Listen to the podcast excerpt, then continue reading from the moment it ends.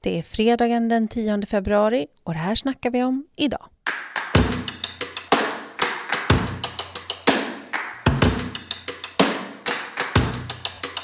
I förra veckan stod det klart att Sverige tappar ytterligare två placeringar på Transparency Internationals årliga korruptionsindex.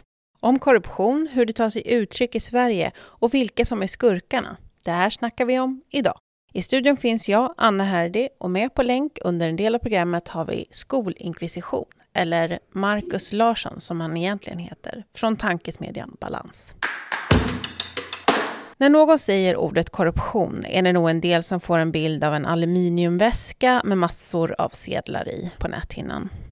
En politiker eller tjänsteman som tar emot pengar för att fixa ett visst beslut inom en myndighet eller liknande. Kanske föreställer du dig att detta sker typ i Italien. Och mutor och bestickningar är också den vanligaste formen av korruption i länderna långt ner på Transparency Internationals årliga korruptionsindex. Men den formen av korruption förekommer rätt sällan i Sverige. Däremot jäv, tillsättningar av tjänster som skett genom kontakter som gynnat en part framför en annan, beslut som fattas efter påverkan från tredje part med ett tydligt intresse i frågan. I Sverige råder bland de flesta en stark uppfattning om att här inte finns någon korruption. Något som alltså Transparency Internationals årliga korruptionsindex nu bevisat motsatsen om. För att göra det enkelt kommer vi i dagens avsnitt gå igenom på vilket sätt Sverige är på väg att bli mer och mer korrupt. Vi börjar med marknadiseringen av välfärden. Under de senaste 30 åren har stora delar av vårt samhälle privatiserats och överlämnats till marknaden. Hemtjänsten, vårdcentraler, förskolor, skolor, vuxenutbildningen och Arbetsförmedlingen. Apoteken, bilprovningen, kommunala fastigheter, tågen, järnvägsunderhållet, kollektivtrafiken, assistansen, den sociala ungdomsvården och äldreomsorgen. I många olika delar av välfärden är det nu privata företag, snarare än det offentliga, som råder över verksamheten. I spåren har välfärdsbolag vuxit och det har gjort många stora bolag direkt beroende av politiska beslut och goda relationer till politiker. Det är bolag som lever på skattepengar och som därför har odlat fram en osund miljö där samma personer går fram och tillbaka mellan välfärdsbolag, lobbyistföretag och de politiska partierna. Det är i en sån här miljö som en tidigare policy manager på Kry, Katja Werner, Ja, ni kommer ihåg Kry. Ni vet det där äh, privata vårdbolaget som mjölkar välfärden på pengar genom att ge inte så kostsam vård via appar och sen skicka räkningen till regionerna. Katja Werner, hon gick i alla fall från sin tjänst på Kry direkt till att bli kanslichef för Moderaterna i Region Stockholm. Och det här är bara för någon vecka sedan. Det är i en sån miljö som en kommunfullmäktigeledamot från Liberalerna i Stockholm, Patrik Silverudd, samtidigt kan vara presschef på det privata vårdbolaget Humana, som Inspektionen för vård och omsorg i förra veckan beslutade att dra in tillståndet för. De bedriver bland annat hemtjänst och personlig assistans. Det är en sån miljö en tredjedel av den nya regeringens statssekreterare har jobbat för PR-byråer, intresseorganisationer och tankesmedjor. Till exempel så är en av landets mäktigaste lobbyister, Dan Eriksson, som fortsatt äger en privat PR-byrå, nu statssekreterare i regeringskansliet. Och det är en sån miljö som ett tidigare socialdemokratiskt kommunalråd och landstingsråd som Ilja Batljan efter sin politiska karriär kunde se sin plånbok växa med fastigheter och aktier i en bransch där han tidigare var på andra sidan.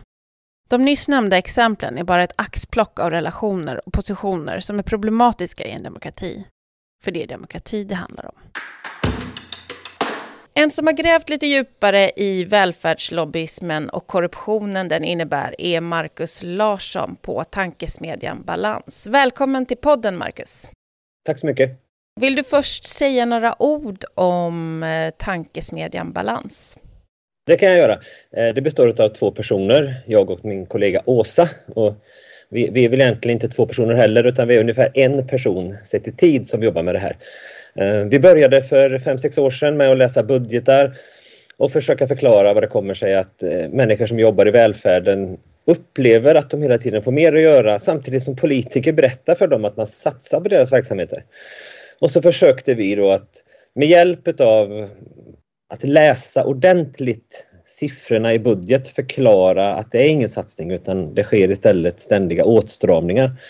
Och när vi läste de här budgetarna så så kom vi även in på till exempel i skolan då att de här åtstramningarna de, de beror inte bara på de här nedskärningarna utan beror även på att skolkoncerner startar upp sin verksamhet fast det inte riktigt finns behov av fler skolor. Och då uppstår det nedskärningar i kommunens verksamhet och så börjar vi skriva om det och när vi gjort det ett tag och fått allt mer motstånd kan man säga, vilket är roligt förstås. Man får, eh, man får liksom eh, motivera mer och mer sitt ställningstagande så märkte vi att det handlade inte riktigt om att vi skulle motivera varför vi tyckte som vi gjorde. För argumentationen var inte det viktiga utan man bemöttes istället utav antingen riktiga lobbyister eller personer som man kanske undrade vilka för intressen som de företrädde. Och, och då hamnar mindre och mindre av diskussionen om de här faktan och mer och mer utav, om andra saker. Sen har vi sett liksom hur det har dykt upp såna hemsidor som bussning.nu där, där vissa intressen försöker förklara att om man på något vis gör någonting med friskolereformen som den ser ut idag så kommer alla barn tvingas bussas runt om i Sverige och det kommer bli jättehemskt. Och så börjar vi fundera lite grann vad är det för eh, vad finns det för krafter som ligger bakom många av de här initiativen och vad, vad beror det på att politiker inte riktigt tar de beslut som väljarna vill att politiker ska ta? Och då kom vi in även på, på särintressen eh, och lobbyism. Du sa korruption och det, det brukar inte vi använda. Det får väl var och en avgöra huruvida det är korruption eller inte. Eh, men vi försöker bara beskriva de nätverk som finns och låta andra dra slutsatser. För du jobbar ju just nu på en bok om just välfärdslobbyister vad jag förstår. Vill du berätta lite om vad du har liksom hittat i ditt arbete? Ja, vi har en liten udda strategi när det gäller det här med böcker, jag och Åsa. Vi, först så grottar vi ner oss och, och, beskriver på Twitter eller i debattartiklar eller blogginlägg hur, vad vi hittar för någonting. Och sen när vi i princip är klara med det området, då sammanfattar vi allt i en bok. Och när boken kommer ut, då känner vi oss nöjda och så går vi vidare till något annat. Andra kanske ofta gör tvärtom, att de sitter på sina grejer och så försöker de få en bok släppt som ska vara en, en stor bomb. Och, och sen ska de driva vidare den frågan. Så, på det sättet, vi, allt jag skriver om i den här boken, Åsa också med och skriver lite grann, eh, men allt vi skriver om, det är ju egentligen sånt som vi redan har beskrivit. Bara att jag och Åsa försöker paketera det då i en liksom, alltihop på en gång med fokus på främst skollobbyism, eh, skolägande eh, och vilken roll politiker och före detta politiker har. Men även hela välfärden. Alltså, och, alltså den bilden, det, jag tycker ju själv att den är ganska extrem. När man ser de här i och med att det är så oerhört många före detta politiker på så oerhört många olika positioner och att de har de här nätverken där de samarbetar för att driva, driva sina frågor. Och, och det blir ju inte så, om man bara läser man bara ett sånt fall så, så kan man tycka men det här låter ju skumt, det här var inte bra. Men det kanske inte är så farligt. Och så läser man ett till. Men i den här boken så kanske jag berättar om 40 sådana fall.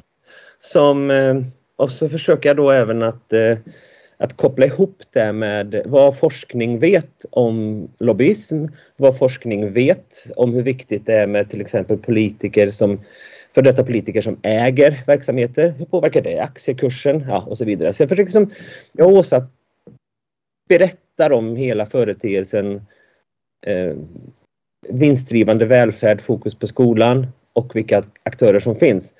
Och mer och mer så börjar ju journalister också att göra det här. Vilket, så att vi, vi försöker även ge en bild. Då, vad, vad har de här tidningarna skrivit? Hur, hur, har, hur har de här ledarsidorna ändrat sin uppfattning? Hur tydliga har man blivit i frågan om... En del ledarsidor skriver, skriver till exempel om vänskapskorruption, liksom använder det ordet. Eh, så försöker vi resonera, vad menas med det? Vad finns det för exempel på det? Så. För lobbyisterna och de här liksom svängdörrarna som du ju också hittat och som många andra hittat. Men varför är det problematiskt menar du, Åsa? Vad, är det så, vad gör det med samhället? Alltså, det finns, man kan väl ha olika perspektiv. För oss i den här lilla tankesmedjan balans är det problematiskt eftersom ett system som försämrar möjligheten att att göra en så bra skola som möjligt. Eh, förändringar är svåra att göra i det systemet eftersom de här aktörerna finns. Ur ett demokratiskt perspektiv så tycker ju inte ens Moderaternas väljare att nuvarande system är bra. Det finns inte en majoritet ens hos Moderaternas väljare för eh, en, om man fokuserar på vinst då, till exempel, för, för fria vinstuttag eh, i, i välfärden. Eh, det finns, när Valu gör sin undersökning så har jag för mig att det var typ, vad var det, typ 52 procent eller någonting utav moderata väljarna som, som är kritiska till nuvarande system. Sen kan man ha olika lösningar förstås. Och inget av de borgerliga partiernas väljare står bakom nuvarande system. Eh, och om man har ett sådant system som vi har i Sverige med demokrati, då, då är det ju bra om politiker tar de beslut som väljarna tycker att man ska ta. Och i de allra flesta fallen så gör politiker det på sikt. För att partier ändrar sig och så anpassar man sig till, till folkviljan och så tar man... Men, men i den här frågan eh, så verkar det väldigt svårt att göra förändringar i den riktning som väljarna vill. Och I det perspektivet så blir det väl också ett problem. För varför är det svårt, tror du? Alltså jag kan ju hitta på en, en stor anledning till varför det skulle vara svårt. Men vad, vad tror du och balans är anledningen? Vi, vi, vi är världens tråkigaste människor. Vi tror ju inte så himla mycket utan vi hänvisar hela tiden vad andra experter tror. Och då, när forskare resonerar kring eh, fall där politikers beslut inte är i linje med väljarnas beslut så kommer de fram till att det kan, det kan bero främst på två olika skäl. Eh, det ena skälet eh, det är om det finns liksom ett starkt forskningsstöd för politikernas uppfattning men ett svagt forskningsstöd för väljarnas uppfattning. Då, då kan politiker liksom, eh, i någon form av ansvarsfull anda ändå driva en politik som väljarna inte vill ha. Och den andra säger forskningen då är om det finns en otillbörlig påverkan från, från olika intressegrupper så kan det vara en annan förklaring till, till varför inte besluten eh, tas på det sätt som väljarna vill. Och frågan om, om skolmarknaden så finns det väldigt få forskningsstöd för att det här ska vara ett bra sätt. Det finns däremot väldigt många olika eh, organisationer, forskare, lärare och så vidare som pekar på brister i systemet. Så här, här kan det inte handla om den orsaken. Utan då är den andra orsaken kvar. Och då är det att det finns in, intressegrupper som, som såklart Eh, det ligger i deras intresse att ha kvar samma styrning. Eftersom, och det är också, jag tror för 10-15 år sedan när det i ganska hög utsträckning ändå var svenska privatpersoner som har startat bolag och som driver skolor eller om de driver äldreomsorg eller vad det nu kan vara för någonting. Då har ju de inte investerat så mycket pengar i verksamheten utan de har startat någonstans med sina 50 000 i som det kostar att ha ett aktiebolag eller om det var 100 000 för eller vad det nu är. Eh, och så har de haft verksamhet och så har de investerat i verksamheten så det kanske den har växt men det finns inte en, en stor eh, mängd pengar som har satsats. Nu har vi ju till exempel Internationella Engelska Skolan som där man har, eh, där man har lagt, ja det var ju oklart hur mycket pengar, men säg att man har 3 miljarder då från den här Paradigm Capital Fund. Då har man investerat de pengarna. Har du plötsligt någonting att förlora, då behöver du också säkerställa att du kan få tillbaks de pengarna man på Academedia som har eh, 14-15 miljarder i, om, i omsättning som har 20 procent eh, utländska fonder som har investerat i Academedia. Det är inte så att de vill att deras pengar ska försvinna utan de vill ju säkerställa att man får avkastning på det sättet som de har tänkt. Så fler och fler sådana här aktörer kan ta liksom den, den norska eh, investmentbolaget eh, som äger Norlandias förskolor Hospitality Invest, de norska bröderna. De har liksom inte investerat i svensk förskola utav några andra skäl än att få avkastning. De har inte gjort något fel. Det är ju det systemet efterfrågar. Vi vill ha dem hit, annars skulle vi inte ha den här lagstiftningen. Men, eh, men de har helt andra intressen av att skydda nuvarande system. Och så brukar jag fundera så här då, om man är Academedia och har de här 14 miljarderna i omsättning. Hur mycket av dem, för att de är ju de är nästan 100 procent eh, beror på att på något vis så får de verka på marknaden där man kan få offentligt finansierad skolpeng, olika nivåer. hur mycket skulle man vara beredd att lägga på lobbyism för att skydda 14 miljarder i omsättning? Förmodligen ganska mycket pengar. En sista fråga. Om man ska vara djävulens advokat här, är det inte en helt rimlig sak att politiska partier träffar organisationer, eh, delvis företag och låta sig påverkas? Vad är skillnaden här? Nej, det är klart att det är en helt rimlig sak att göra det. Jag är ju, I viss mån så är både du och jag lobbyister, eller du har i alla fall varit. Nu sitter du mer och jobbar på ett, ett parti och utsätts för dem. Eh, och så att säga att inte det ska finnas eh, intresseorganisationer, att det inte ska finnas företag som jobbar med PR eller med, med, med, med då P, public affairs som är mer klassisk lobbyism. Så där. Det är inte, den här boken ifrågasätter liksom inte existensen utav eh, eller om det ska finnas den här typen av verksamhet. Men eh, det känns som en underbelyst aktivitet. Jag är, jag är ändå samhällskapslärare. Jag, tycker jag tyckte för några år sedan att jag var... Alltså skulle jag rangordna mig själv. Hur duktig, mycket kan du om politik, Marcus? Så skulle jag säga, ja men på skala 1 till 9,5. Jag hade ingen aning om omfattningen förrän jag själv då satte mig och försökte liksom på någon slags hobbyforskarsätt ta reda på men vad finns det för olika, olika nätverk. Hade inte jag gjort det så hade jag fortfarande trott att nej, men det är inte så utbrett. Men det är oerhört utbrett. Eh, och det blir väl intressant att ifrågasätta just när man så tydligt går emot en vilja. Man har sett lite olika sådana här, men det var skogsindustrin, det var gruvindustrin. Alltså mer och mer så så, så ifrågasätts väl liksom om det är rimligt att de här stora bolagen har den här makten. Så kan man ju prata om, om, om man ska registrera lobbyister till exempel som man gör i EU. Så det är inte heller riktigt bokens eh, poäng. Utan den är bara att berätta. Ni ska veta att det är så här i alla fall. Och så kan det vara så att om man tycker att det inte är bra att det är så då får man väl driva den här frågan om att avskaffa marknadsskolan på ett tydligare sätt. Då behöver man känna till vilka det är som motarbetar den. Tack så jättemycket för att du ville vara med i podden, Marcus. Tack, tack. Och eh, jag önskar dig och Åsa lycka till i ert superviktiga arbete på balans och med den här boken. Tack så mycket. Hej! Nu ska vi gå igenom lobbyisterna i regeringen.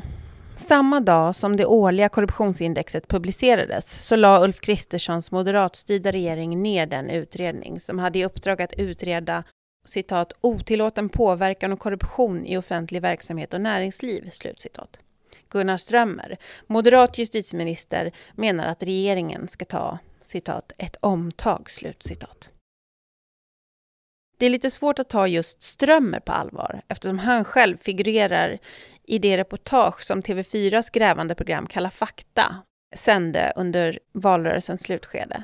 Där avslöjar de hur flera riksdagspartier på olika sätt rundat eller försökt runda lagen som ska begränsa stora anonyma donationer till politiska partier i Sverige.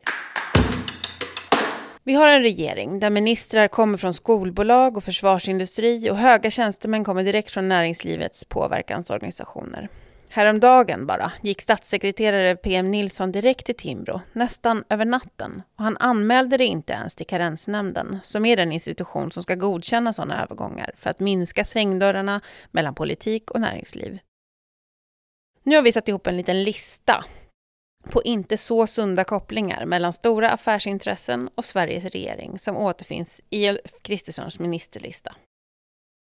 Innan de blev ministrar så har ett antal av de ledande politikerna i Sverige avslöjats i det granskande programmet Kalla fakta under valrörelsen. Moderaterna, Sverigedemokraterna, Kristdemokraterna, Liberalerna och Socialdemokraterna var alla beredda att göra olika upplägg för att ta emot anonyma partibidrag trots att det sedan 2018 har varit förbjudet. Nuvarande landsbygdsministern, till exempel, kristdemokraten Peter Kullgren, föreslog i Kalla faktas granskning att en privat gåva skulle spridas ut på flera personer för att Kristdemokraterna skulle kunna kringgå förbudet mot anonyma donationer. Nuvarande justitieminister, moderaten Gunnar Strömmer, uppmanade i programmet givaren som ville förbli anonym att donera till Moderaterna närstående organisationer som gör citat väldigt stor nytta för partiet. Slut citat. Moderaten och försvarsminister Paul Jonsson utnämndes av Svenska Freds och skiljedomsföreningen till årets vapenvärvning. En utnämning som ges till den person som under året gjort den tydligaste övergången från politik eller myndighetsvärlden till vapenindustrin eller vice versa. Motiveringen löd. Paul Jonsson tar till rollen som Sveriges nya försvarsminister med sig erfarenheter, lojalitet och kontakter från sitt tidigare jobb som kommunikationsdirektör på vapenindustrins lobbyorganisation Säkerhets och försvarsföretagen, SOFF. Att någon med dessa erfarenheter nu sitter på den högsta försvarspolitiska makten i Sverige är en tydlig vinst för vapenindustrins lobbyister. Det mest flagranta exemplet i Kristerssons regering är den liberala skolministern Lotta Edholm. Hon gick direkt från att vara styrelseledamot i en friskolekoncern till att bli skolminister. Hon har tidigare varit skolborgarråd i Stockholms kommun, en plats som utgjorde en viktig experimentverkstad för friskolereformen och nya stora skolbolag. Hon var gift med Lars Leijonborg 92 till 2004. Lars Leijonborg som var ordförande för Friskolornas riksförbund 2016 till 2021. Hon valdes in i styrelsen för Tellusgruppen 2021. Tellusgruppen är ägare av 32 skolor och omsätter 260 miljoner kronor. Tellusgruppen var det bolag som ägde och ansvarade för Hälsans förskola, där det uppdagades att barnen fick vatten och knäckebröd för att spara in på kostnaderna. Arbetsmarknads och integrationsminister Johan Persson, partiledare för Liberalerna, ägde aktier i skolkoncernen Att växa och förnekade det i en partiledardebatt mot Nooshi Dadgostar. Att växa äger 192 skolor, omsätter ungefär 2 miljarder kronor. Sist men inte minst, den moderate statsministern själv, Ulf Kristersson. På ett personligt plan har han hållit sig ifrån såväl aktier som andra jobb än riksdagsledamot. Däremot så fick Ulf Kristersson under sin tid som socialborgarråd i Stockholms stad en eh, bostad i Stockholm genom kontakt med Ersta diakonis direktör Torbjörn Larsson, som också är KD-politiker. Och då fick han ett exklusivt lägenhetskontrakt vid Ersta på Södermalm i Stockholm. En lägenhet som egentligen skulle ha gått till sjuka eller behövande. Men om vi lägger det åt sidan så ska vi gå in på hur han har det i sin familj. Ulf Kristersson är gift med Birgitta Ed, som var med och grundade PR-byrån Springtime ihop med bland annat Göran Torstensson, tidigare talskrivare för Carl Bildt, som paret Kristersson Ed också äger en sommarstuga tillsammans med. Birgitta Ed sitter också i styrelsen för stiftelsedrivna Europaskolan, som äger tre skolor och omsätter 130 miljoner kronor om året. Till denna lista ska läggas den lista på statssekreterare och andra höga tjänstemän som efter valet tagit plats i regeringskansliet. Där kommer var och varannan från någon lobbyistfirma, arbetsgivarorganisation eller välfärdsföretag. Det stora problemet med välfärdslobbyister, korruption och förstärka vänskapsband mellan politiker och lobbyister är att politiken bara blir sämre. En stor majoritet av väljarna är emot skolsystemet som det ser ut nu. Trots det så har väldigt få av högerpartierna förflyttat sig någonstans långt bort från vad de stora välfärdsföretagen anser rimligt. De står kvar och anpassar sig tydligt i politiken efter vad välfärdsbolagen vill. Ungarna får sämre utbildning, de äldre får sämre vård, personalen på vårdcentralen får sämre arbetsvillkor och välfärdsbolagen blir bara rikare. Lösningen på den här sortens korruption är att vi kickar ut välfärdsbolagen ur välfärden. Bort med vinsterna, bort med aktiebolagen. Inte en enda skattekrona ska gå till någon aktieutdelning i någon tidigare moderat eller socialdemokratisk politikers välfärdsbolag, eller någon annan för den delen. Demokratins principer bygger på en skalle, en röst, inte en krona, en röst. Väljarna har rätt att veta vems pengar som påverkar politiken och kunna rösta för att något annat ska ske. Vi medborgare måste kunna känna förtroende för vårt demokratiska system. Och när man har satt sig in i hur lobbyisterna jobbar och vilket inflytande de har, så är det svårt att känna ett sådant förtroende. För att svenska folket ska fortsätta att känna förtroende för vårt demokratiska system krävs krafttag. Svängdörrarna mellan lobbyorganisationer och politiken måste stängas och de kryphål som Kalla fakta avslöjade i sitt program i valrörelsen behöver täppas till. Vänsterpartiets förslag går ut på att man inför ett förbud mot att ta emot anonyma donationer genom att använda en bulvan eller motsvarande upplägg med tredje part. Vänsterpartiet tycker också att man ska införa ett förbud mot förberedelse för att ta emot en anonym gåva. Idag är det inte förbjudet att förbereda eller försöka ta emot transaktioner i strid med lagen, vilket gör att partier kan undvika vite så länge någon transaktion inte kan bevisas. Det är också dags att se över hur organisationer och stiftelser kan användas som kryphål och hur dessa kan täppas till. Vänsterpartiet vill också stärka karensnämnden, som är den nämnd som ska pröva statsråds och höga tjänstemäns övergångar. Den är i dagsläget helt tandlös, men ett bevis på att verktygen finns för kontroll, men att de inte används. En glädjande nyhet från veckan är att det blev klart att den särskilda debatt som Vänsterpartiet har krävt om korruption faktiskt blir av. Trycket på de partier som uppenbart har något att dölja måste öka. Vänsterpartiet kommer inte sluta bevaka svenska folkets intressen i fråga om insyn, transparens och välfärdsföretagens otillbörliga påverkan på svensk politik.